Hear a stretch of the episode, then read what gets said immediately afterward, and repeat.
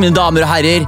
Vi har en ny episode i dag. Dere vet ikke hvem denne dagens gjest er, men det er veldig spennende for meg. Jeg har hentet han fra Jeg så sånne bamser som hang over skau i Oslo sentrum. Sto Høgleif. Så tenkte jeg, hvem var det her? Så fant jeg ut det var en gruppe som het Broslo. Og så fant jeg ut at gruppa fra Broslo er jo venner av meg.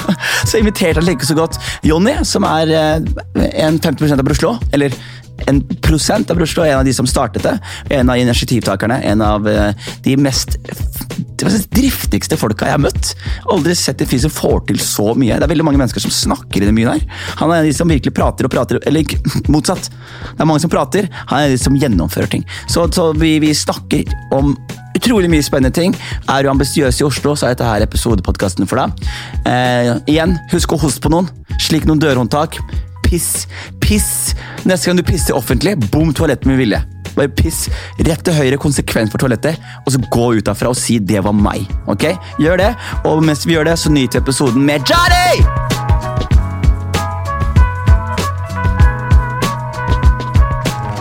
Her. Ja, eller samme trykk, jeg har på det. Halla, bro. Hallo, velkommen skal du være, Johnny Boy. Takk for det. Takk for det.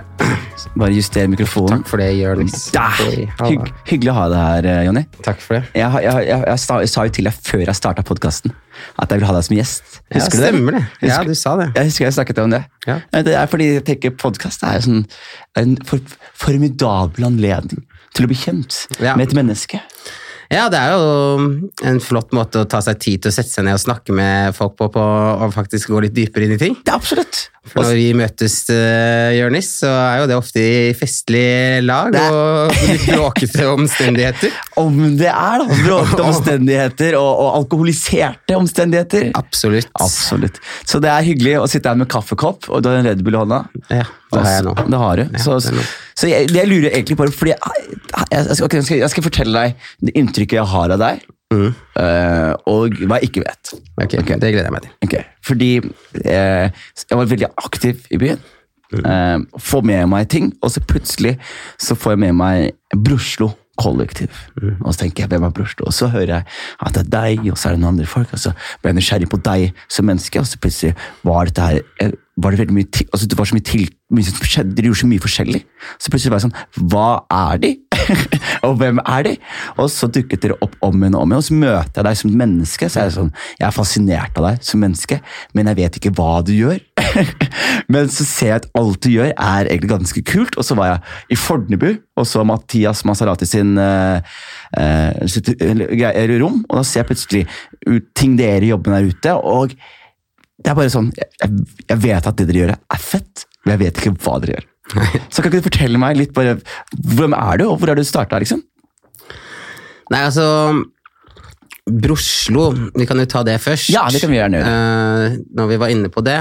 Det er jo egentlig Nikolai og meg som startet eh, Vi visste ikke helt hva vi skulle gjøre, så vi startet et snekkerverksted, egentlig, som het Brødrene Kristiania.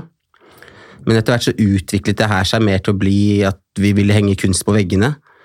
Eh, Så våknet jeg en dag, og så bare tenkte jeg Brødrene Kristiania det er sikkert noen som har het det back in the days, noen gamle møbelsnekkere. Nå heter jo ikke Det heter jo ikke Kristiania lenger nå. Nei. Det heter jo Oslo. Eh, og så var det, ja, Vi er jo Brødrene Oslo nå. Ja. Eh, og så ble det Broslo. Ja, kult, ja. Så det var egentlig sånn det startet liksom med navnet. Eh, Snekker, eh, når du lager snekker, hva var det det var planen da? liksom? Nei, altså Nikolai var utdannet eh, arkitekt. Han er utdannet arkitekt. Eh, jeg var bare glad i å lage og bygge ting. Um, og så begynte vi å ta på oss leilighetsprosjekter, så vi pusset opp en gammel fabrikk i Lillehammer. Uh, så kjøpte vi en leilighet i Sveigårds gate og begynte å pusse opp den. Men vi gledet oss alltid til vi var ferdige med å pusse opp, for da kunne vi liksom lage kunsten som skal henge på veggene, og interiøret. ikke sant? Ja. Og en dag så fikk vi bare besøk av en fyr som hadde lyst til å kjøpe noen møbler av oss, som så liksom på leiligheten og bare ok, de møblene her er dope, men det som henger på veggene er helt rått. Hvem er det som har gjort det her, liksom? Eh, Så sa vi det er oss, det òg. Og han spurte ok, jeg jobber med kunst, har dere lyst til å sette opp en utstilling? Så sånn startet det. Så det var sånn det startet, ja. Ja. Og hva slags rammer fikk dere på den utstillingen der? Nei, han, han sa jeg har et lokale på Fornebu, en gutteklubb-typ, eh, en salong, vi kaller det det. Ja. Eh, Der har vi tomme vegger, vi skal åpne det om tre uker. Eh, kom og se, og så lager dere dere klare på tre uker, og så skal jeg kuratere det og selge det for dere, og bla, bla, bla. Og på de tre ukene så tror jeg vi produserte 20 verk, store verk. Og så holdt han sine ord, så han solgte det for oss. Så da skjønte jeg litt sånn, ok, kanskje det er liksom, det her er meningen at vi skal holde på med. Ja. Eh, For det er det her vi likte å gjøre best. Og så forlot vi aldri Fornebu, egentlig. Så det er det stedet dere er nå? da? Ja. Kult. Ja. kult. Fordi du er jo jævlig, så, har her er at du er jævlig tiltaksrik. Er du enig i den påstanden? Ja, jeg får jo høre ordet rastløs. Rastløs. ADHD. Ikke malpla riktig plassert ADHD. Ja, eh, det er vel eh, Ja, jeg tok jo masse ADHD-tester når jeg var eh, kid, sånn som en del andre i vennegjengen vår, men jeg fikk aldri dia- diagnose på det. Nei. Så mamma var jo litt sånn Men ja, jeg liker å putte energien min i prosjekter og, og gjøre prosjekter, da. Hva slags bakgrunn er det du har, da? Nei, sånn fra utdannelse tenker du på, eller mer Nei, sånn Jeg tenker oppvekst, interesser og, og, og utdanning. Nei, det er jo em, et interessant spørsmål. Jeg vokste jo opp em, i et bitte lite sted som heter Nybygda, som ligger syv kilometer overfor Brumunddal. Som igjen er et ganske målplassert sted. Eh, Eller malplassert, er det kanskje. Det heter. ja, Samme faen. Alle vet, eh, har hørt om Brumunddal på en eller annen måte. Em, Der vokste jeg opp egentlig veldig fritt. Eh, Jeg hadde en mamma som eh, kom fra Buenos Aires eh, i Argentina. Og en pappa som har bodd i det samme huset siden han ble født. Så jeg hadde veldig to forskjellige energier i kroppen. En som er veldig rastløs, og en som er veldig, veldig rolig, egentlig. Men det her visste jo ikke jeg når jeg vokste opp. Jeg visste heller ikke at mamma var fra Argentina. Jeg forsto jo ikke helt det der. Um, så jeg bare fant på masse tull. Ass. Var mye ute og brukte kroppen. uh, gikk mye på ski. Og etter hvert så begynte jeg å putte energien inn i snowboard. Mm. Så jeg ble ganske fort god i det. Men uh, egentlig så tror jeg kanskje at uh, jeg uh, burde satset på fotball. Fordi i ettertid har jeg funnet ut at uh, bestefaren min er jo en av de største fotballspillerne i, Argen i Argentina gjennom tidene. Hvem da? Omar Oreste Corbata het han. Corbata? Ja. Oi, hvor spilte han? Vet du det? eller? Eh, ja, han spilte eh, mye i Argentina, men han spilte liksom på landslaget og en klubb som heter Racing, og han har en eh, Racing, ja! ja! God damn! Har en eh, bronsestatue, og så ble han solgt til Medellin i Colombia. Klubben Eh, som Escobar eide. Ja, ja, ja. Ja. Eh, Så han var stor, eh, men mamma hadde aldri fortalt meg det her. Og når jeg ser tilbake på det, jeg følte at når jeg vokste opp, så var det liksom Ok, fotball Jeg hadde ikke helt fysikken til det, følte jeg. Jeg var liksom liten av vekst. Du har var kroppen til Messi, bro! Ja, ja, og det fant jeg jo ut i ettertid, at jeg er jo akkurat like høy som Messi. Jeg veier akkurat like mye som Messi, og Maradona, ikke sant? Men jeg hadde jo liksom ikke, Ina fortalt meg at du kan bli verdens beste fotballspiller akkurat som du er, ikke sant? Så jeg, jeg la aldri så veldig mye tid i det. Nei. Eh, men eh, jeg jeg likte å spille fotball. Men jeg tror du gjorde, det jeg tror du gjorde smart i, for jeg, jeg kjenner folk som er fra sånn små steder, som Brumunddal og små steder, og det du merker der er at sånn som, jeg spilte fotball veldig mye da jeg vokste opp, fordi jeg vokste opp i nabolag med, altså vi var kanskje sånn 100 venner i nabolaget, Ja. så hvis man skal gjøre noe sammen, så må man spille fotball. Det er ikke noe det er ikke andre aktiviteter man kan gjøre i lag. Da. Men det å på en måte snowboard og sånne ting er ofte sånne aktiviteter som gjør at man må møte, stikke og reise folk og møte folk, og det er noe man kan dyrke på egen hånd. Da. Ja, og det fant jeg jo ganske fort ut, at eh, jeg likte det der eh, individuelle mye mer enn det organiserte. Så jeg, eh, jeg ga meg med fotball på sånn juniornivå. Når jeg skulle begynne å møte broren min som var tre år eldre, og han er svær, liksom. Så var jeg sånn, ok, fuck det her. Um, men jeg fikk meg et snowboard. Jeg sa til pappa at uh, jeg ønsker meg snowboard. Jeg gjør hva som helst for det. Uh, bare si hva jeg skal gjøre, liksom. Mm. Så dagen etter så kom han tilbake med et snowboard til meg, og det, det gjorde ingenting. Nei. Jeg bare, vi hadde, pappa og meg hadde egentlig bare én regel i oppveksten. Mamma flyttet jo bort fra Nybygda og Brumunddal eh, ganske tidlig, Mm. når jeg var sånn tolv år kanskje. Mm. Så da var det liksom pappa og meg alene. Ehm, og da sa han egentlig bare sånn Jonny, du gjør hva du vil, bare ikke fuck det opp, liksom. Så det var egentlig det. Så God regel. Det er en god regel. Uh, Så det var egentlig bare gjensidig respekt overfor han. Uh, Så jeg tok jo vare på huset og fikset og ordnet. Det var jo bare oss to, liksom. Ja, Så, Så det, jeg valgte å liksom kjøre snowboard, og etter videregående så dro jeg videre til utlandet og fortsette med det. Oi, hvor da? Nei, jeg reiste til USA. Sånn var der eh, tre-fire måneder av gangen eh, i mange år. Så Colorado, da? Eller? Ja, eh, første tur jeg tok var til California. Nord i California så er det helt sinnssykt å kjøre snowboard. Hva heter stedet? Mammoth Mountain var det første stedet jeg dro. Men Lake Tahoe, hele det området der er helt sykt. Og Blir du da en del av et internasjonalt miljø, da? eller? Nei, jeg hadde, jeg hadde fått meg en kompis som egentlig var veldig skoleflink, men han kjørte ski, som het Even. Mm. Så han valgte å også gjøre det samme. da. Så vi to dro sammen. Eh, Men der møtte man jo på, på måte, profesjonelle snowboardkjørere. Man møtte på folk som gikk på toppidrettsgymnaset for snowboard.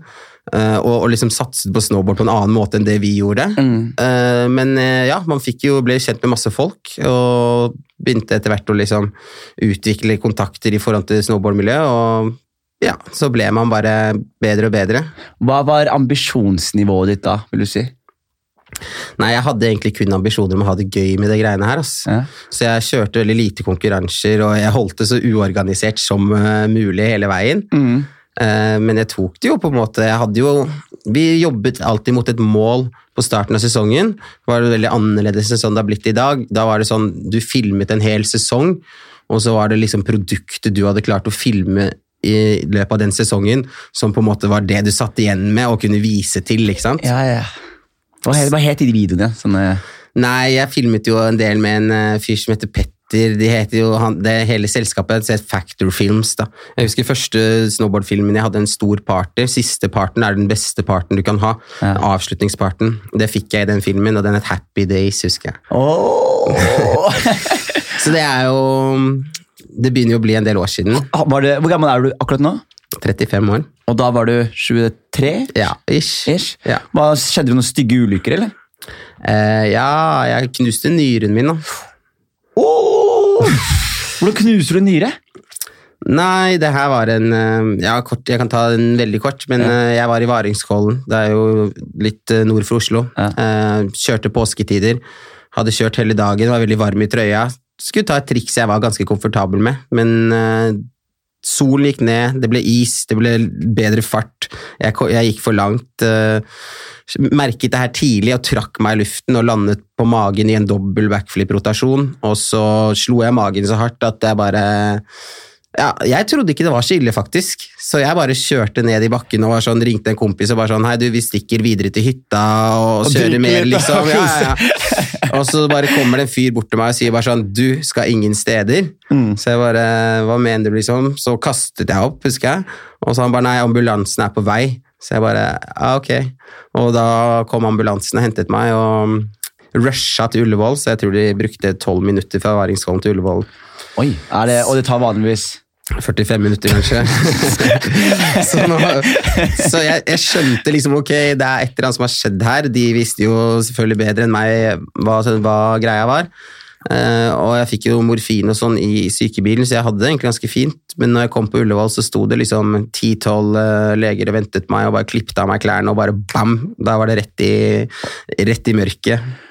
Å shit, hvor lang tid Fordi ja, Her er det jeg har hørt. Jeg har at liksom, det er en fyr som fortalte meg at han skal drepe folk. Ja. Så sa han at han holder munnen deres. Eller han sa at det som man burde gjøre, at du må holde munnen, og så stabbe de nyra. Fordi det gjør så vondt å få nyreskader at du passer ut og klarer ikke å lage lyd. Var det intens smerte etter hvert, eller? Jeg husker ikke så veldig mye av de smertene jeg hadde da, men eh, det som skjer er jo at uh, nyren fyller seg opp med blod, eh, og magen fyller seg opp med blod, og etter hvert så får du blod i lungene, så du kan drukne i ditt eget blod. Da. Så det var det som var på vei til å skje. Men de gikk jo inn og satte inn en, eh, et, noe de kaller et stent, som avlaster nyren. Eh, Så den får liksom tid til å lege seg. Det er ikke så mye å få gjort med det. Da går det gjennom urinveiene, Jørnis. Du vet hva jeg mener? Ja, ja, ja selvfølgelig. Så du, du det, det er ubehagelig i seg selv, men da sov jeg jo. Men når jeg våknet opp igjen, så følte jeg meg fresh. ja. Men så ble det komplikasjoner med den operasjonen, her. Og så endte jeg opp med å måtte gå gjennom en operasjon til, og har slitt med den nyren siden. da. Ikke sant. Så de nyresmertene de lever jeg med en dag i dag. Sånn, eh, det er helt jævlig. Det er, sånn, det er det, ikke sant? Ja, det er helt jævlig. Å, fy faen, jeg kan se Det er som, jeg, jeg tror det er som å føde ut av ryggen. på en måte. Du får sånne rier. Jeg har trashet, jeg har trashet et, eh, et rom på legevakten en gang. Fordi jeg kommer dit med, med denne her smerten, og jeg veit akkurat hva problemet er. Det tetter seg, over, Overgangen mellom nyren og urinen tetter seg. Nyren vokser i ryggen, det er ikke plass til den. den Og du kjenner i ryggen, eller? ja, ja. Det er, bare, det er, sånn, det er som det er liksom bom, og det begynner å presse på alle nerver og sånn rundt. Ja. Eh, Og du får helt sjuke smerter, og det er sånne, de kaller det sånn urosmerter, så du klarer ikke å holde deg i ro. Og så kommer jeg til en sånn arrogant lege på, på legevakten som er sånn «Øh, Ja, hva er det du vil ha? Uh, det, er sånn, det er mange som deg som kommer inn her og vil ha ting. Så jeg var sånn Du, gå i journalen min, se hva problemet er, liksom. Du, du må bare stole på meg, bare hjelp meg, liksom. Eh, Så han trodde jo at jeg var der for å liksom få et eller annet for drugs. ja. Ja, ja, for, for, for han, han sa egentlig bare 'du er narkoman', liksom, kom deg hjem. Eh, Så Nei, jeg jeg hørte han ikke på meg, og jeg klarte ikke, og etter hvert så endte det opp at jeg trasha Jeg slo et tastatur i et skrivebord så det spruta litt taster og sånn, da. Eh, Men jeg hadde gjort akkurat det samme. jeg hadde ikke noe, liksom sånn, da hadde jeg ikke noe valg, jeg hadde jævlig vondt. Ja, ja, men jeg, å, se på, og du kommer der, du skal ha hjelp, og de er sånn ah, Kom igjen da, Jonny. Og så- Ja, ja. Hadde, hadde du langt hår, eller? Jeg så sikkert helt vill ut. Men jeg drar jo aldri til legevakten før smertene er så høye at jeg må, liksom. Jeg, sitter, jeg ligger hjemme og s- det begynner at jeg ligger og svetter, ligger i sengen med uroligheter, og så begynner jeg å kaste opp og kaste opp, og kaste opp, og så er det sånn Ok, nå er det på tide, nå må jeg Men du har etter hvert utviklet en del metoder for å få det her til å fungere. Da. Fordi altså, Den smerten din høres jo unik vondt ut, men er det ikke litt sånn vanlig at de fleste som har kjørt snowboard opp til i slutten av 20-åra, at de sitter med en eller annen form for skade som de bare ikke fordi Jo, er- alle jeg snakker med, har liksom Nei, Kneet mitt funker ikke, ah, jeg brakk ryggen en gang. Og, uh, altså, alle har et eller annet. da. Ja, ja, ja. Alle som har kjørt proff snowboard eller um, på høyt nivå, har en eller annen skade. Det er jo litt det sporten på en måte tilsier i seg selv. Fordi ja, du må pushe deg selv. Du må ta liksom ja, du må ta risiko hver dag du er ute på det brettet. På et eller annet. Det går bra tusen ganger, så går en, en gang så går det dårlig, liksom. Hvordan tror du den snowboard-mentaliteten har liksom hjulpet deg eh, videre inn i ditt uh, nye liv? da? Nei, jeg liker jo fortsatt å ta risiko, og på en måte Jeg har jo byttet ut den der adrenalingreia, kanskje med det å jobbe mye mer og, og drive med andre prosjekter. For meg så var snowboard også egentlig bare et prosjekt. Jeg likte bare ok, jeg bygger et hopp, eller vi gjør de her tingene. Så snowboard for meg var mye mer eh, ja, uorganisert. Jeg kunne være ganske fri og, og liksom kreativ. Mm. så det, det kan sammenlignes absolutt. Er det sånn at det, Var du han fyren i vennegjengen som eh, eh, Var du han gærne, eller var det han fyren folk ringte hvis de skulle gjøre fete ting? Eller var det han som plana ting? Hva, hva slags type fyr var du i, i vennegjengen du eh, liksom kom litt opp med? Nei, sånn når jeg vokste opp eh, med vennegjengen min, sånn ungdomsskolen og sånn, så var jeg kanskje ganske fornuftig i forhold til en del folk. Men når jeg kom videre på snowboardmiljøgjengen, så var jeg mye mer sånn ja, Jeg vil eksperimentere og pushe ting videre. Og, så jeg vil si at jeg kanskje er en eh, god blanding av alle de tingene. Da. Ja, ikke sant. Jeg syns, jeg syns virkelig det er veldig fascinerende hvordan fordi du har, du har ikke noe formell utdanning heller, ikke sant? Nei, jeg, jeg gikk jo elektro på videregående. Pappa er jo elektriker, så det var jo liksom det som så lettest ut for meg. Ok, jeg bare går elektro, så blir jeg elektriker jeg også, ikke sant? Ja. Eh, Men jeg forsto jo det ganske fort på videregående, og det forsto lærerne mine og pappa også, at eh, du, det, du, du, blir, ikke- du blir ikke elektriker. Men eh, jeg har jo veldig jeg, jeg bruker jo veldig mye det i jobben min i dag også, liksom. Bruker hendene hver dag. Jeg, jeg skaper ting. Mm. Mye av det lyser. Mye av det, det er liksom teknologi i det også. Ja. Ja, jeg har sett de greiene deres hvor det bare blinger opp og lyser opp. og hva dere holder på. Ja, men, det, men det er du som står og virer de greiene her, da. Ja. Ja, men så jævlig stas. Og det, du, du flytter, når du flytter til Oslo Eh, Etter første turen min til USA, eh, når jeg dro til USA etter videregående, så var pappa sånn go. Bare Han slapp meg på en måte fri. Ikke kom tilbake til bygda. Ja. Så jeg kom aldri tilbake til bygda etter den første turen. Hva, er, er, fordi jeg personlig har en sånn, har en sånn irrasjonell frykt da, for å flytte hjem igjen til Skien. Ja. Bare fordi jeg har forlatt Skien, og for meg så er det sånn symbolsk. Hvis jeg flytter hjem igjen, så er det et form for nederlag. Føler du på det samme, eller? Nei, jeg har ikke noe dragning mot å flytte tilbake i det hele tatt. Jeg tror jeg kanskje etter, eh, etter jeg fylte 20 år, så har jeg kanskje sovet hjemme maks, maks en natt i året. Så 10, Ja, 15 dager i løpet av 15 år, liksom. Så har jeg, får jeg nok, liksom. Så du har ikke tilhørighet, føler ikke tilhørighet til uh, hjembygda? Nei, egentlig ikke noen ting, ass. Nei. Det- og hvor mange er det som, mange som er, er derfra, egentlig? Vet du det? Nei, Brumunddal, kanskje 10 000 da, men jeg vokste jo opp i en bygd ovenfor på en måte som familien min kommer fra. Der bor det kanskje 500 stykker. Og du kjenner alle? 300, ja, jeg kjenner alle. Men de folka jeg på en måte hadde mest liksom tilhørighet til da, som var liksom bestemoren min og tanta til pappa og sånn, de har på en måte startet å fade bort, og det er jo en ny generasjon som kommer opp der. Ja, ikke sant. Jeg elsker jo å stikke og besøke pappa, liksom, men eh, jeg får jo et svar hver gang jeg kommer dit at eh, Jonny, du skal ut i verden, da. Ja. Og jeg har jo liksom mamma som kommer fra Bonus Aires og på en måte har all den rastløsheten i seg. Jeg har jo halvparten av det, og heldigvis bare halvparten. Ja. ja, fordi du, Mora di var tolv. Hvor, hvor flytta du tilbake til Argentina, eller? Nei, eh, hun flyttet til Oslo da. Riktig. Mm, og så flyttet hun litt rundt. Hun er jo rastløs som faen. ikke sant? Det er der du arbeidet, ikke sant? Ja, ja, ja. Men hun har all den rastløsheten, så jeg har bare halvparten av den. Heldigvis. Så jeg, si. jeg kan ikke få sagt det nok ganger. Hadde jeg vært liksom 50% mer av pappa eller 50% mer av mamma, så hadde jeg vært fucked på en eller annen måte. Ja, ja. Eller kanskje det er nå jeg er fucked, men i hvert fall så klarer jeg liksom Jeg finner roen. Jeg liker å ta det med ro, men jeg har også en indre uro Ja. som jeg klarer å balansere på en eller annen måte. da. Høres fint ut, da. Ja, det er greit. Har du vært i, um, har du vært i Argentina? Ja, ja. Eh, Bestemoren min døde når jeg var eh, første året på ungdomsskolen. Så frem til det så var jeg der eh, nesten hver sommer. Du var det, ja? Ja, ja. Så, men, eh, for, fordi det, det jeg synes er så fascinerende med sånn da, jeg, jeg er sånn helt etnisk fra, fra Somalia, men jeg er født i Norge, og så har jeg vært i Norge hele, tiden. har ikke kjent noe annet. Og så plutselig, i 2007, så reiser man til Somalia, så plutselig er man sånn, faen. Så på en absurd Kanskje her jeg skulle bodd? Ja, men på en sånn absurd måte. Så er det sånn, Jeg føler meg hjemme. Ja, ja. Altså, sånn, jeg vet jeg ikke er hjemme. Folk ser på meg, de ser at jeg ikke er derfra.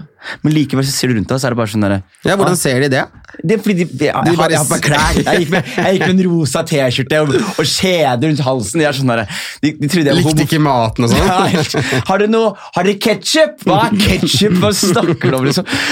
Du har med grillkreditt. Det er sånn charterfeber, egentlig. da gjør det. Mutter'n min hadde med Nugatti til meg. I sekken. Så husker jeg vi hadde tre sånne tuber. Husker du ja. i tubene? Så hadde vi tre tuber med Nugatti.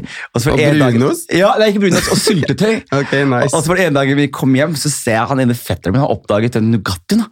Så han sitter bare og fyller hånda hans med Nugatti og bare sitter og slikker av og syns det, at det er, han syns det er helt skandaløst at vi har gjemt det her fra ham. Ja, ja, ja. Så det er sånn, Du spiser jo feil, du må smøre det ut. liksom. På en brødskive, mann. Ja, Men jeg husker jeg følte meg så hjemme, da, og det var bare veldig så merkelig. Og så kom jeg tilbake, så er det ikke sånn at jeg savner det eller får, har noe lengsel til det, men bare sånn rar sånn ah, faen, jeg, jeg skjønner at jeg har at jeg har noe blod her. Ja. Følte du det når du var i Buenos Aires? Ja, Det begynner å bli lenge siden. ikke sant? Jeg hadde jo bestemoren min øh, og sånne ting. Mamma ble jo eh, egentlig geleidet litt ut, fordi hun ble jo gravid med, med det som i dag er broren min. Hun ble ikke gravid med broren min, men hun hadde broren min i magen. Um, og hun var ikke gift. Uh, så Og det, det er fy-fy, er det ikke? Ja, det er typ dems haram, på en måte. Ja. Eh, var jo katolikk, ikke sant? Um, Hvor møtte far, Var faren din i eier som Møtte du, liksom? Nei, nei, nei. Det er jo en crazy historie. Uh, men så hun eh, hadde egentlig ikke noe valg. Hun måtte forlate Argentina og familien. Og da tok hun med seg lillebroren min på armen og endte opp i Brumunddal. Er han helt argentinsk? Ja. Riktig. Og hvordan er det, Kan du fortelle oss faren til mora di? Ja, nei, det er helt sykt, fordi jeg sitter jo i denne elektroklassen, da. Ja. Og det her var på videregående, liksom. Mamma hadde ikke fortalt meg, pappa hadde ikke fortalt meg, jeg ble dritsur. Eller ikke dritsur, da, men jeg var sånn, hva faen? Så sitter jeg der og bråker i klassen og gjør min egen greie og kortslutter litt ting, og du vet. Og så sier læreren til meg og bare 'Jonny, nå holder du kjeft'. Så jeg bare 'hæ, hva mener du?' Så han bare 'nei, det er min skyld at du lever'. Så jeg bare Ok, jeg, jeg, jeg lytter, jeg lytter. Hele klassen sitter der og bare ok, kom med det. Eh, og så hadde det seg sånn at eh, i Nybygda, der jeg vokste opp, på andre siden av, av en dal, så finnes det en annen bygg som heter Brumund. Der hadde mamma endt opp med broren min, random, Eh, familievenner, sjømenn, du vet. Mm. Eh, og så sier læreren min at han, når pappaen min var lærling på skolen, eller som er elektriker, så sitter han på sentralbordet, og det ringer en dame som ikke kan et ord engelsk, bare snakker spansk, ikke et ord norsk, og han bare skjønner hun bare electricity, no electricity type, ikke sant? Mm. Og hun har bare slått opp i gule sider eller noe. Eh, og da tar jo han fyren her og bare Hvem er den mest utadvendte fyren eller kødden jeg kan sende opp til hun dama her som kan hjelpe hun? Og da sendte han pappa. Eh, og da var jo pappa egentlig godt i gang med å liksom slå seg til ro med en annen, annen dame som bodde hjemme hos han og sånn. Og så den dagen så tok han med mamma og broren min hjem og forsto at de trengte varme og kjærlighet, og så ble det de to etter hvert, og så ble jeg til, da. God damn! Takk, gule sider! Ja, takk telefonkatalogen back in Og the day. læreren din. Ja, ja. Og det er faen Så det er jævlig random, og jeg tenker faktisk på det noen ganger. Liksom det er sånn, ok Jonny, det er en grunn til at du lever. Sånn, mm. Det Buenos Aires, Brumunddal, Nybygda Alt er bare, det er bare småting Ja. som bare har ført til småting som har ført til små som har, Jeg synes det er så fast. Altså, jeg bare, hvis, han der, hvis han ikke tar telefonen, da, han læreren din, Ja, ja. Så, så er ikke du her. Nei, fuck, ass. Det er helt sykt å tenke Jeg synes på. det er helt sykt å tenke Så på. jeg har jo veldig vært sånn, I oppveksten så har jeg jo egentlig ikke tenkt noe over det her. Jeg fikk jo vite liksom, historien ganske seint, men jeg er jo veldig takknemlig og egentlig liksom stolt av mamma som på en måte har giddet og liksom holdt ut med det her. Liksom. Ja. Det, var, det var gammeldans en gang i måneden i Brumunddal. Liksom. Ja. I Buenos Aires så var det party hver dag. Ja, ja, ja. Og hun reiste langt. Og, og du kommer ikke Du lenger. kommer ikke fra Buenos Aires til Det er som, det er som hun flyktet fra narkogjeld. Altså. Det er kanskje det hun gjorde, men det høres jo ut som en eller annen sånn derre er s- dårlig selvbiografi fra Buenos Aires til Brumunddal. Du. det er bra start på din biografi. Ja, Herregud, jeg, jeg, jeg, La meg fortelle hvordan jeg kom hit. Tilfeldigheter, alt sammen. ja, ja. Og så, og så, Da er du 23, du, du snowboarder. Eh, fra, fra du flytter i Oslo. Fordi Det som er litt sånn gøy, da, sånn som jeg merket da jeg kom til Oslo, så var det sånn, jeg tror det tok to-tre år i Oslo, så plutselig er jeg sånn her, å, jeg kan gjøre hva faen jeg vil i den byen her. Jeg kan få til hva jeg vil. Og, og tror jeg du og dere på mange måter er eh, epitomien av den tanken. da. Eh, dere, er liksom, dere er den tanken. Du kan gjøre hva man faen man vil i den byen her. Når er det du på en måte begynte å leke litt fram? Nei, altså Det går jo som det går med folk flest, at man finner en eller annen dame som man henger med, og så, med, så var jeg heldig og klarte å kjøpe en leilighet sammen med henne. Så vi bodde sammen og hadde en hund, og det var liksom ok. Var Hvor, tidlig var, hvor gammel var du da? Det var jeg kanskje 25, da. Ja. Mm. Um, og liksom begynte å tenke at ok, det snowboard-greiene, det er gøy. Det er ikke for alltid. Det er, liksom, du må vite din besøkelsestid. Ja. Så nå kommer det 17-åringer som er bedre enn deg, Jonny. Det er sånn, De puster deg inn i ryggen. Det er sånn, det er, du utvikler deg ikke på samme måten. Risikoen blir større, og du vet Og frykten blir større. ja, alt det der, så fant jeg en bra dame, og var leilighet og hund med hund, og merket at det var eh, ikke det her jeg egentlig så for meg å gjøre i livet, liksom. Og, og liksom, jeg så veien tilbake til Brumunddal var lå ganske i kortene der, hvis du skjønner hva jeg mener. Så fort hun hadde blitt smelt på tjukka, så bare ok, vi må ha en større leilighet, fuck it, vi må tilbake, jeg må få en fast jobb, alt Jeg er elektriker, jeg jobber med fattern. Ja, jeg så hele reisen. Det er bare en og en halv time i bilen, så er du der for alltid, skjønner du. Så det var jeg ganske um, ærlig med hun dama her om, på, så jeg sa det til henne, Så at bare du, jeg veit ikke hva jeg skal gjøre i livet ennå, jeg. jeg må bare finne ut av det, liksom. Og det er best at du bare finner Du har lyst til å gjøre noe annet enn meg, det veit jeg. Du vil ha den her kiden. Eh, den har hun fått med Stian Blipp nå, så det, det er helt greit. Gøy! Ja, for det har jeg hørt, nemlig. Så det er helt greit. Og det er veldig bra. Og jeg er veldig glad i Amina og hele familien hennes og sånn. Så da valgte jeg å, å liksom bare forlate henne, eller vi forlot hverandre på good terms. Um, og begynte sakte, men sikkert å, å gjøre litt ting sammen med Nikolai, som jeg nå jobber med i Broslo. Som, uh, så etter denne leiligheten så tok vi og kjøpte en leilighet sammen, og så startet vi rolig med prosjekter. Jeg ante fortsatt ikke hva jeg skulle gjøre. Eh, Jeg bare visste at jeg skulle gjøre et eller annet. Det var en grunn til at jeg liksom på en måte var her. Og jeg, sk- I'm gonna make my mama proud. Du hadde, du hadde, du hadde det, det der inni deg, ikke sant? Ja, det var et eller annet. Det Jeg bare, det var energi og, og sånn som måtte ut på en eller annen måte, og Nikolai var veldig sånn glad i å skape ting, og jeg merket at når vi var sammen, så var det sånn ok, det er skape vi skal gjøre, det er det. Vi drar rundt, vi finner ting. vi elsket å utforske ting, da. Så, sånn var det, det liksom jeg egentlig startet, og på en måte, ok Ingen som helst egentlig forutsetninger for at det skulle være kunst. Jeg tegnet ikke, jeg malte ikke. Jeg bygget litt, utforsket ting. Mm. Men jeg hadde ikke noe, liksom, jeg ante ikke hva kunst i seg selv egentlig var. Altså. Nei, jeg skal bare to sekunder, jeg skal bare pisse veldig kjapt. Ja, ja. Så du er. Men hold the thought, hold the thought. Greit, jeg bare snakker imens jeg gjør det. Liksom. Derfra. Ja. Så fikser vi. Ja. Eller sa du noe jævlig fucka? Nei, jeg sa ingenting. Jeg, jeg posta deg faktisk på Instagram. Oh, la la. Jeg synes det er hyggelig å være her. Ja, men Det er veldig hyggelig å ha deg her. For nå kommer vi akkurat inn i det jeg er nysgjerrig på, vet du. som er Broslo. Fordi for eksempel, Jeg husker første tingen jeg så Broslo. Fordi det dere gjør, eh, som jeg har fått inntrykk av, er at dere tar liksom populære eh, popreferanser. Popkultur, hiphop, spesielt innenfor hiphop.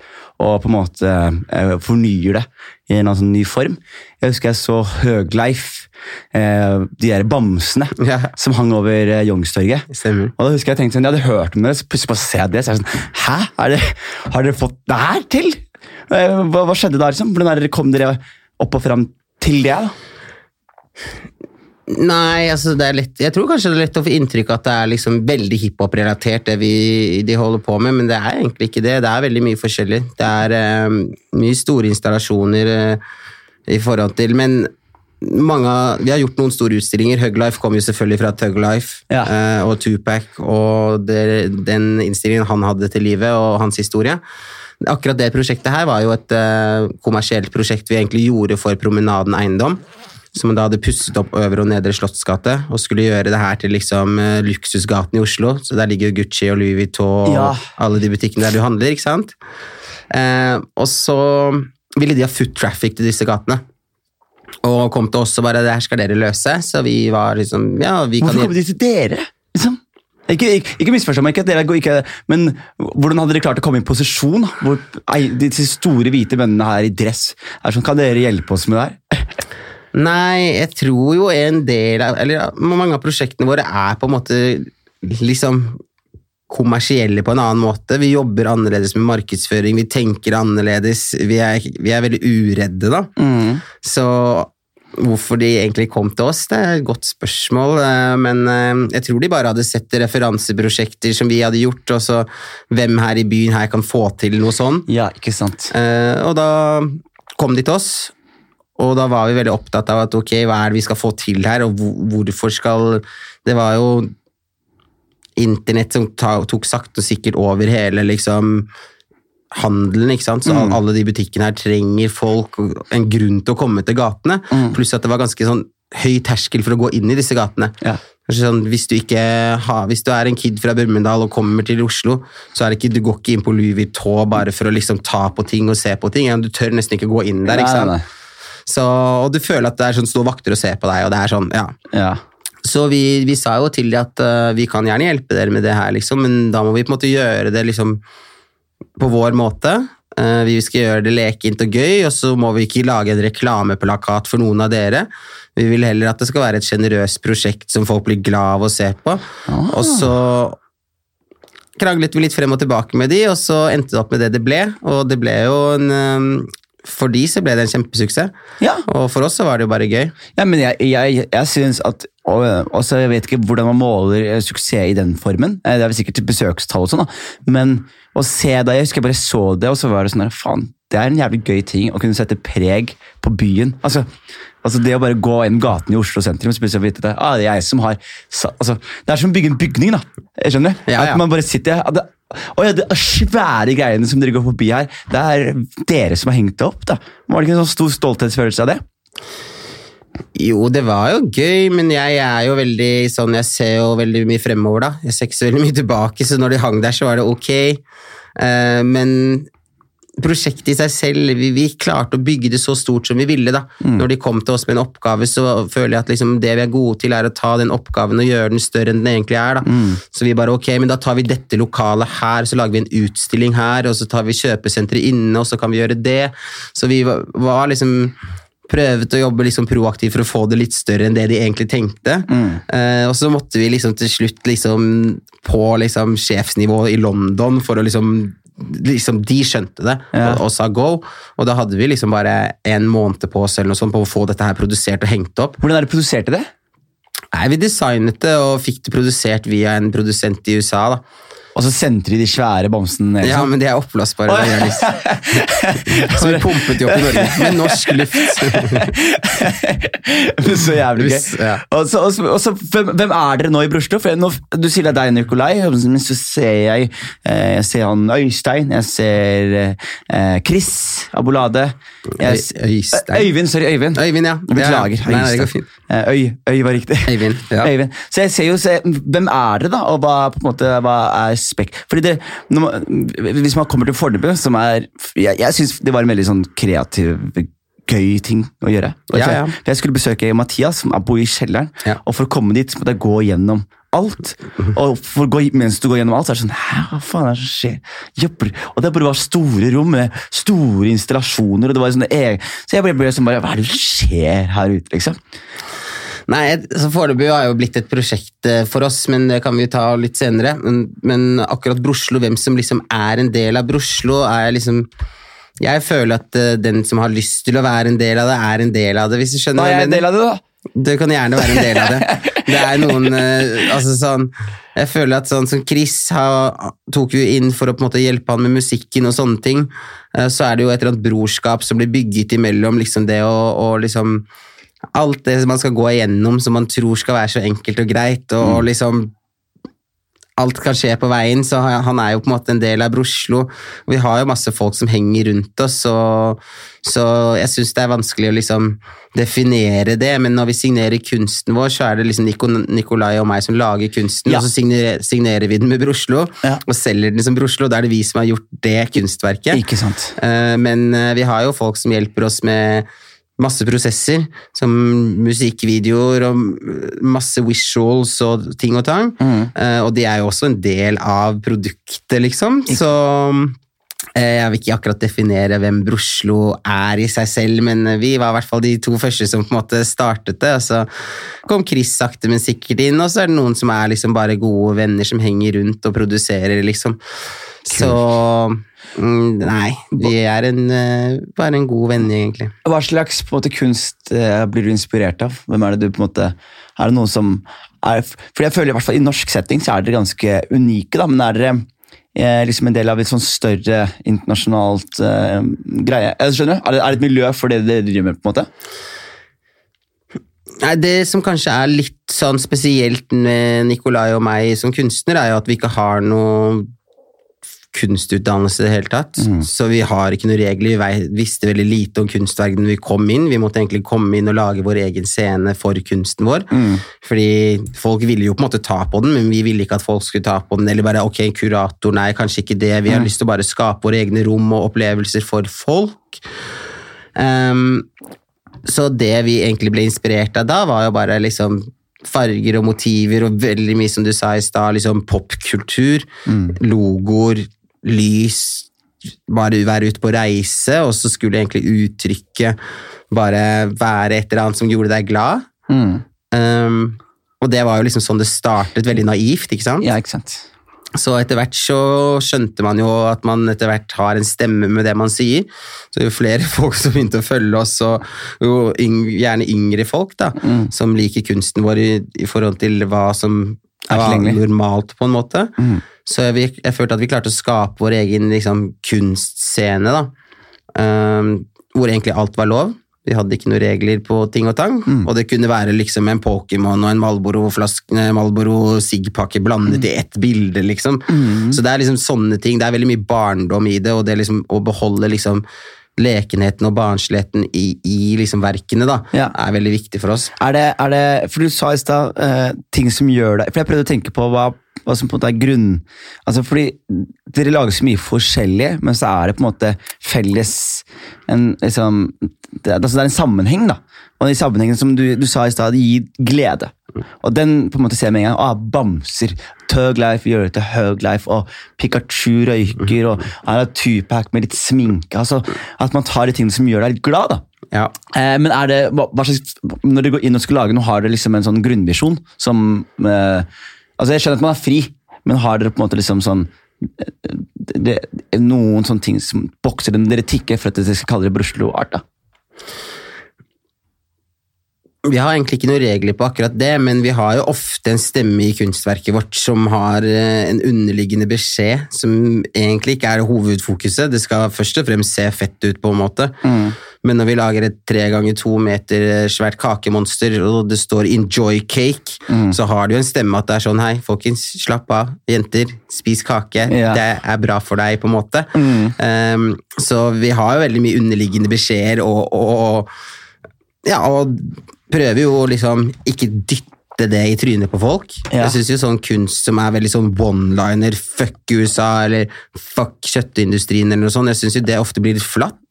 Så det å kunne liksom skjule budskapene sine under noe som er positivt, uansett om det er et hardt budskap, er jo liksom Det er der liksom kunsten ligger en del for oss. Ja. Fordi i, I komikk så har man noe som eh, vi kaller, Det er forskjell på sånn laughter og clapter. Ja. Hvis, hvis jeg forteller en vits, da, så kan jeg fortelle deg en vits eh, som får deg til å le, men som samtidig får deg til å tenke. Men så har du noe som heter clapter, som er sånn at du sier sånn Vet du hva, folkens? Jeg syns voldtekt er dumt, det. Og det er sånn Ja, enig. Enig. Så er det sånn, men du har ikke gjort noe. Du, har ikke, du, du kan heller pakke den og si sånn Jeg syns voldtekt er vanskelig. Hva skal du, Og så har, har du heller en sånn vits om det, og så er det sånn Å ja! Du syns voldtekt er dumt, men du bare pakket det inn i en gøy Budskapet er det samme. Budskapet er det samme. Eh, så, det, så det merker jeg, da. Men merker du motstand, eller? For det, det dere gjør, er jo veldig annerledes enn det folk gjør.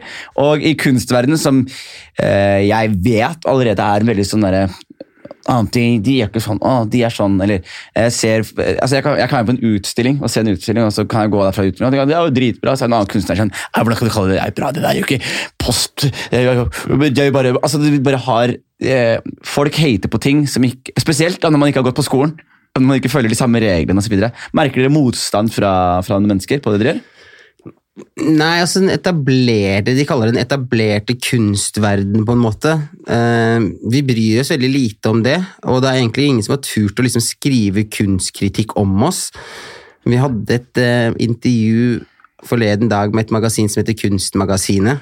Veldig, veldig sånn oppfinnsomt navn. Ti abonnenter. Ja, Nei, jeg aner ikke hvor svært det er, jeg har aldri lest det selv, ikke sant? Men, um, og der tok jeg faktisk opp det, og liksom det å liksom utdanne seg som kunstkritiker synes jeg er kanskje noe av det dummeste du Det kan gjøre. Du kan gjøre. det er sånn, du vil ikke gå rundt og, og kritisere andres kunst. Jeg er jo veldig forsiktig med det selv, og jeg synes jo på en måte at hvis en person lager et kunstverk, og det her er det han har lyst til å lage, så er det bra kunst for han.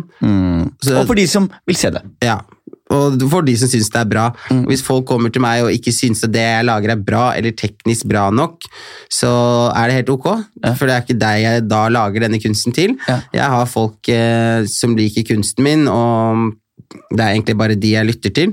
Så vi møter veldig lite motstand. Det er mye mer sånn Vi får bare masse egentlig hyggelige meldinger av kids som blir inspirert, og folk som vil kjøpe kunst og sånne ting. Så nei, jeg ser ikke på det på den måten. Og så veit jeg at på et eller annet tidspunkt det er sånn Det som er liksom det største problemet i Norge som jeg ser det, er jo det at folk er misunnelige på hverandre, Ja. og de liker ikke at folk skal komme opp, og i hvert fall ikke utenom dem rammer. Og hvis du gjør noe som ikke er liksom tradisjonelt, så er det veldig lett å sette fingeren på det og si sånn Nei, det her er ikke bra, for dere har ikke gjort det eller det eller det. Så vi driter i det, vi bare jobber, og så har vi våre mål og visjoner, og hvis vi når de, så er det bra nok, og på et eller annet tidspunkt så kommer, eh, kommer de til å komme etter uansett, og det er historien som forteller hvem som har vært en stor kunstner eller ikke, så Absolutt. Og det, og det som er veldig som er, Akkurat det syns jeg er jævlig fascinerende, fordi eh, ja, jeg har akkurat samme tilnærming til kunst. Og sånn, Jeg husker da jeg vokste opp, da, så var jeg veldig sånn annerledes. Jeg hørte på hiphop, lo-fi, 90-talls hiphop, Big L, Nas og så gutta som var sånn Jeg digger Lil Wayne, så jeg sånn, ah, det er kommersi, rap, og fucker, ah, så pop-rap, og dere skjønner ikke hva ekte rap er. Og så går man rundt og irriterer seg over at folk hører på og nyter det. da. Og så plutselig så vokser man litt opp, og så kommer man seg ut av sin egen lille usikre boble. Hating heter det. Hating er riktig ord for det, men hating kommer også fra at man, man er usikker på hvem man er. Og så identifiserer man seg med sånn type musikk liker jeg, fordi det her er bra, og alle som ikke liker det her, skjønner ikke hva som er bra. Så man begynner å tenke, Og så husker jeg bare, jeg satt og hørte på en låt, jeg tror det var Katastrofe eller noe, for sånn seks år siden. Og så tenker jeg bare sånn Yeah, det er ikke så ille der. og, så, og så er det sånn, Jeg er ikke fan av katastrofe i det hele tatt, men at jeg har behov for å si det, er veldig teit. Fordi å nei, nei, jeg, jeg er for god for det. Men samtidig så er det sånn Folk elsker det. Folk danser til det. Og hvis jeg ikke liker det, er det jeg som er kul da, eller er det jeg som blokker meg selv fra å like noe som potensielt kan være veldig kult? da? Og det, når jeg skjønte det, så var jeg sånn Å, faen, jeg lukka ørene og lukka øynene til egentlig mye ting som jeg liker, men som jeg ikke vil like. For jeg vil ikke identifisere meg med den tingen. da. Ja, og jeg kjenner meg litt igjen i det, alle har jo vært der. og det, Man kan jo lett føle seg truet av andre i samme posisjon, eller at bare ok, han er like kul som meg eller ikke. og Jeg tror vi bare må være veldig glad for at han katastrofe ikke sitter i kassa på Rema 1000, sånn som kanskje mange andre eh, folk som har lyst til å drive med musikk, ender opp med å gjøre, fordi at de faktisk ikke fullfører prosjektet sitt. da.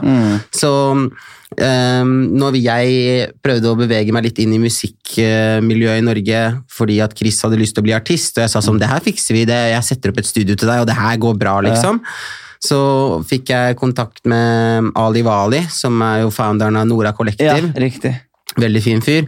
Eh, og han sa til meg, eh, Jonny, det kommer til å være mange folk som hater på deg på veien, eller hater på deg og Chris, og hiphop er så stort i Norge.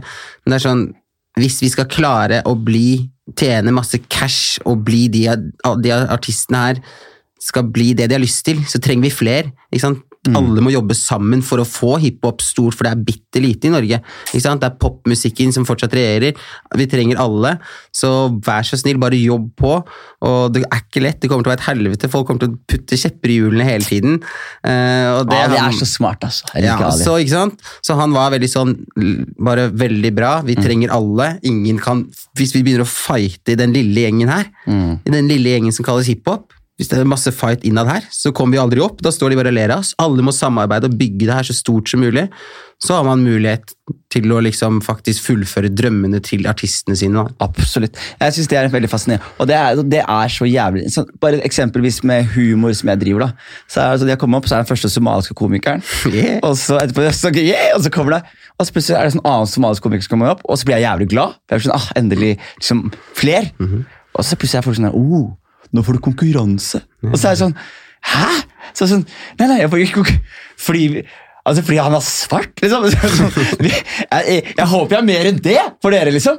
Og så skjønner man etterpå sånn så prøver jeg å forklare folk, altså, Jeg liker Dave Chappelle, men jeg liker også Chris Rock. Og jeg liker også Hannibal Burris. Og det handler ikke om at jeg har maks én svart komiker jeg kan like om gangen. Jo flere, jo bedre, fordi det, det skaper større spenn, det skaper større variasjon, og det tvinger folk til å på en måte bli også mer unike. Hvis jeg som eneste svart komiker kan ta alle de black jokes, da du, du utvikler ikke, du stagnerer, du, du, og du tar billige vitser til enhver tid. Men la oss si dere er tre stykker. da. Ingen vil ta de billige vitsene, for alle vil ta de som er vanskelige. Ja, ja, ja. Og, da, og da stimulerer man hverandre, og man blir bedre, og alle sammen vokser. Og, det, og jeg, tror det som, jeg tror det som på en måte under, eh, God selvtillit, selvsikkerhet og ferdigheter De er ikke så jævlig redde for flere folk. da. Men folk som er usikre, eh, og gjerne på vei ned, eller hva faen, de er ofte de som på en måte kam, kam, klamrer seg fast til en posisjon som ikke er deres. Ikke? Jeg, jeg, jeg sa det til kompis i går, men jeg sa sånn egoisme. Vi snakket om det. Og du vet, at du er, e- egoet ditt vokser og vokser, og så kan du bli La oss si Herman Flesvig. ikke sant? Nå Norges største komiker. ikke sant? Og så får du noen knagger å henge liksom, egoet ditt på. da. Ah, Norges mest sette serie, knagg. Ah, Norges hotteste komiker, knagg.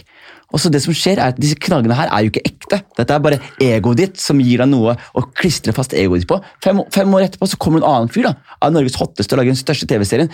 Hvis du da tester deg på disse knaggene her og prøver å kjempe dem, så er det sånn, da, da taper du en kamp som er tapt. da. Eller du kjemper en kamp som er tapt fra før av. Og det merker jeg liksom, det gjelder alle kunstformer. i like stor som. Egoet må liksom litt, altså Ego er viktig, men du kan ikke la disse knaggene til egoet på en måte definere det. Nei, og det har vel egentlig vært liksom ganske naturlig for Nico og meg hele veien å på en måte ønske folk velkommen inn i, i vår verden, på en måte. Og det å på en måte prøve å skape et miljø rundt oss som kan hjelpe oss å bygge hverandre.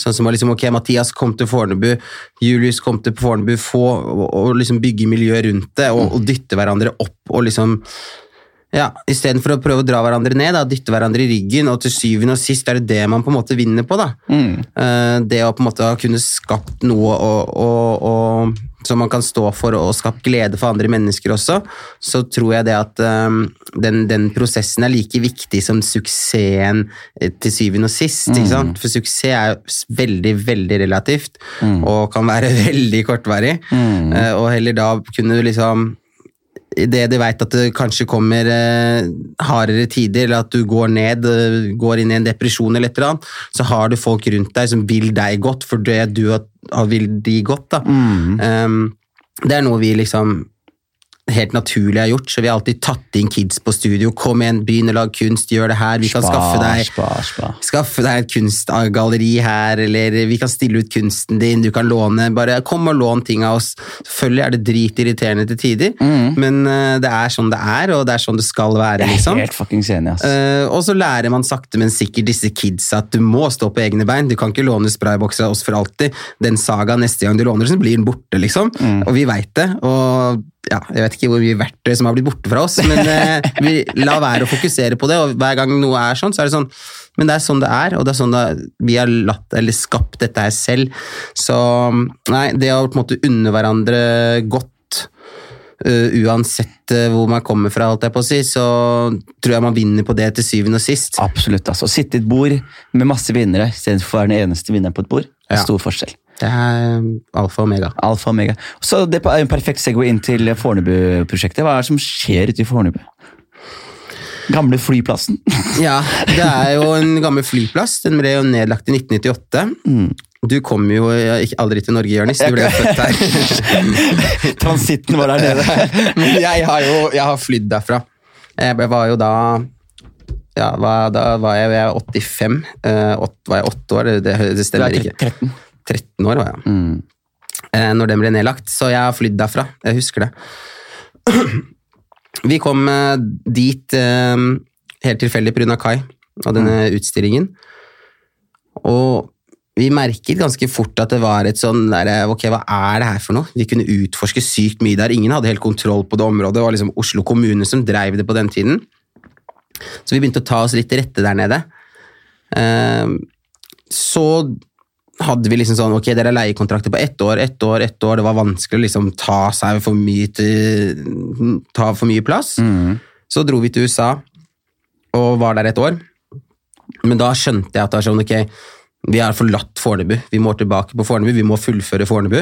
Dette er et prosjekt som på en måte Norge, Oslo trenger. Eh, så har vi sakte, men sikkert jobbet inn mot kommunen og jobbet inn mot uh, relasjoner som satte oss uh, liksom i god posisjon til å utvikle dette stedet til det vi ønsker at det skal bli. Uh, nå sitter vi jo på noen tusen kvadratmeter, blant annet en stor flyhangar. Som vi utvikler til et event space for kunst, kultur og hva det enn måtte være. Vi har lyst til å lage et sted som sier ja, der, andre folk får nei. Så hvis man har en syk idé, så kan man få gjort det der nede. En Flyhangar, altså. En Det er svært, er det ikke? Det Det er svært. Den er eh, 1200 kvadratmeter svær og 20 meter takhøyde. Det er Så 1000 leiligheter i Oslo, det. Ja, 1000 Grünerløkka. Ja, det er mye, ja. Og hvis du tenker på volum, så er det mer. Ja. Så, for det, det er det lite av i de nye leilighetene. Mm. Men uh, sakte, men sikkert så begynte vi å, å legge planer om eh, hvordan vi ville at det her skulle fungere. Um, så hadde vi et gjennombrudd. Det var jo egentlig at uh, vi har alltid sett på det gamle flytårnet. Vi tenkte at den dagen vi får det gamle flytårnet Har dere flytårnet? Ja, det har vi, ass. For Åse Kleveland satt der oppe og vaktet det tårnet som en hauk. Eh, plutselig fikk jeg en telefon av eh, en som heter Rolf, som da jobbet i Obos, som har driftet dette stedet. At bare 'Jonny, nå er flytårnet ledig'. Så tenkte jeg bare sånn Da jeg fikk den telefonen, det var på en måte et tegn på at nå, nå må dere Det er liksom, her er prosjektet deres, liksom. Ja. Så det Så, du har, så hvor, hva er det dere har nå? Eller hva, er det, hva slags område er dere jobber innafor nå? Vi jobber inne Vi har eh, Foreløpig består av en gate som heter Kulturgaten, som eh, er kanskje 200 meter lang. Het den Kulturgaten før dere kom dit? Ja, Hele området er satt av til kunst og kultur fra kommunen. Kult. Ja, så mm, det gjorde den. Men det var dead. Det var mye lagerplass for kunstnere og billig leie. Ja. Så vi utvikler eh, et bygg som heter Bygg 43, som ligger nærmest veien og Telenor Arena. Så hvor det skal være et, eh, kommersiell drift i form av en restaurant, eh, som vi er i vei med å bygge. Eh, en arcade, eh, et kunstgalleri som allerede er oppe. Sneaker store, sånn reselling av sneakers. så vi drar shit. liksom ut inn i alt dette her. Eh, og lager vi en ny hovedinngang til denne hangaren. Så vi har egentlig de lokalene vi ønsker for å kunne utvikle denne gaten til å bli et sted hvor du kan komme og være en hel dag og oppleve kunst og kultur Så det er det, som er, er det som er planen, eller? Ja. Og bare ha, gjøre det til liksom en amusement park, nesten? Ja, altså alle byer eller metropoler har jo et eller annet sted hvor du drar. Når du stikker til London, så stikker du til Brick Lane. Når du stikker til New York, så er det Meatpacking District og Brooklyn og disse områdene som på en måte har blitt forlatt og, kun, og fått lov til å liksom vokse opp fra grunnen av uten noen føringer. Eh, så ah, vi har jo klart kult, altså. å overbevise kommunen da, om at eh, Selvfølgelig har vi jobbet med våre egne avtaler i forhold til å få leiekontrakter som gjør at det er, eh, er fornuftig å investere på disse kontraktene, men vi har jo liksom sett ordførerne i øya og bare sånn Nå har dere en mulighet til å la det her skje.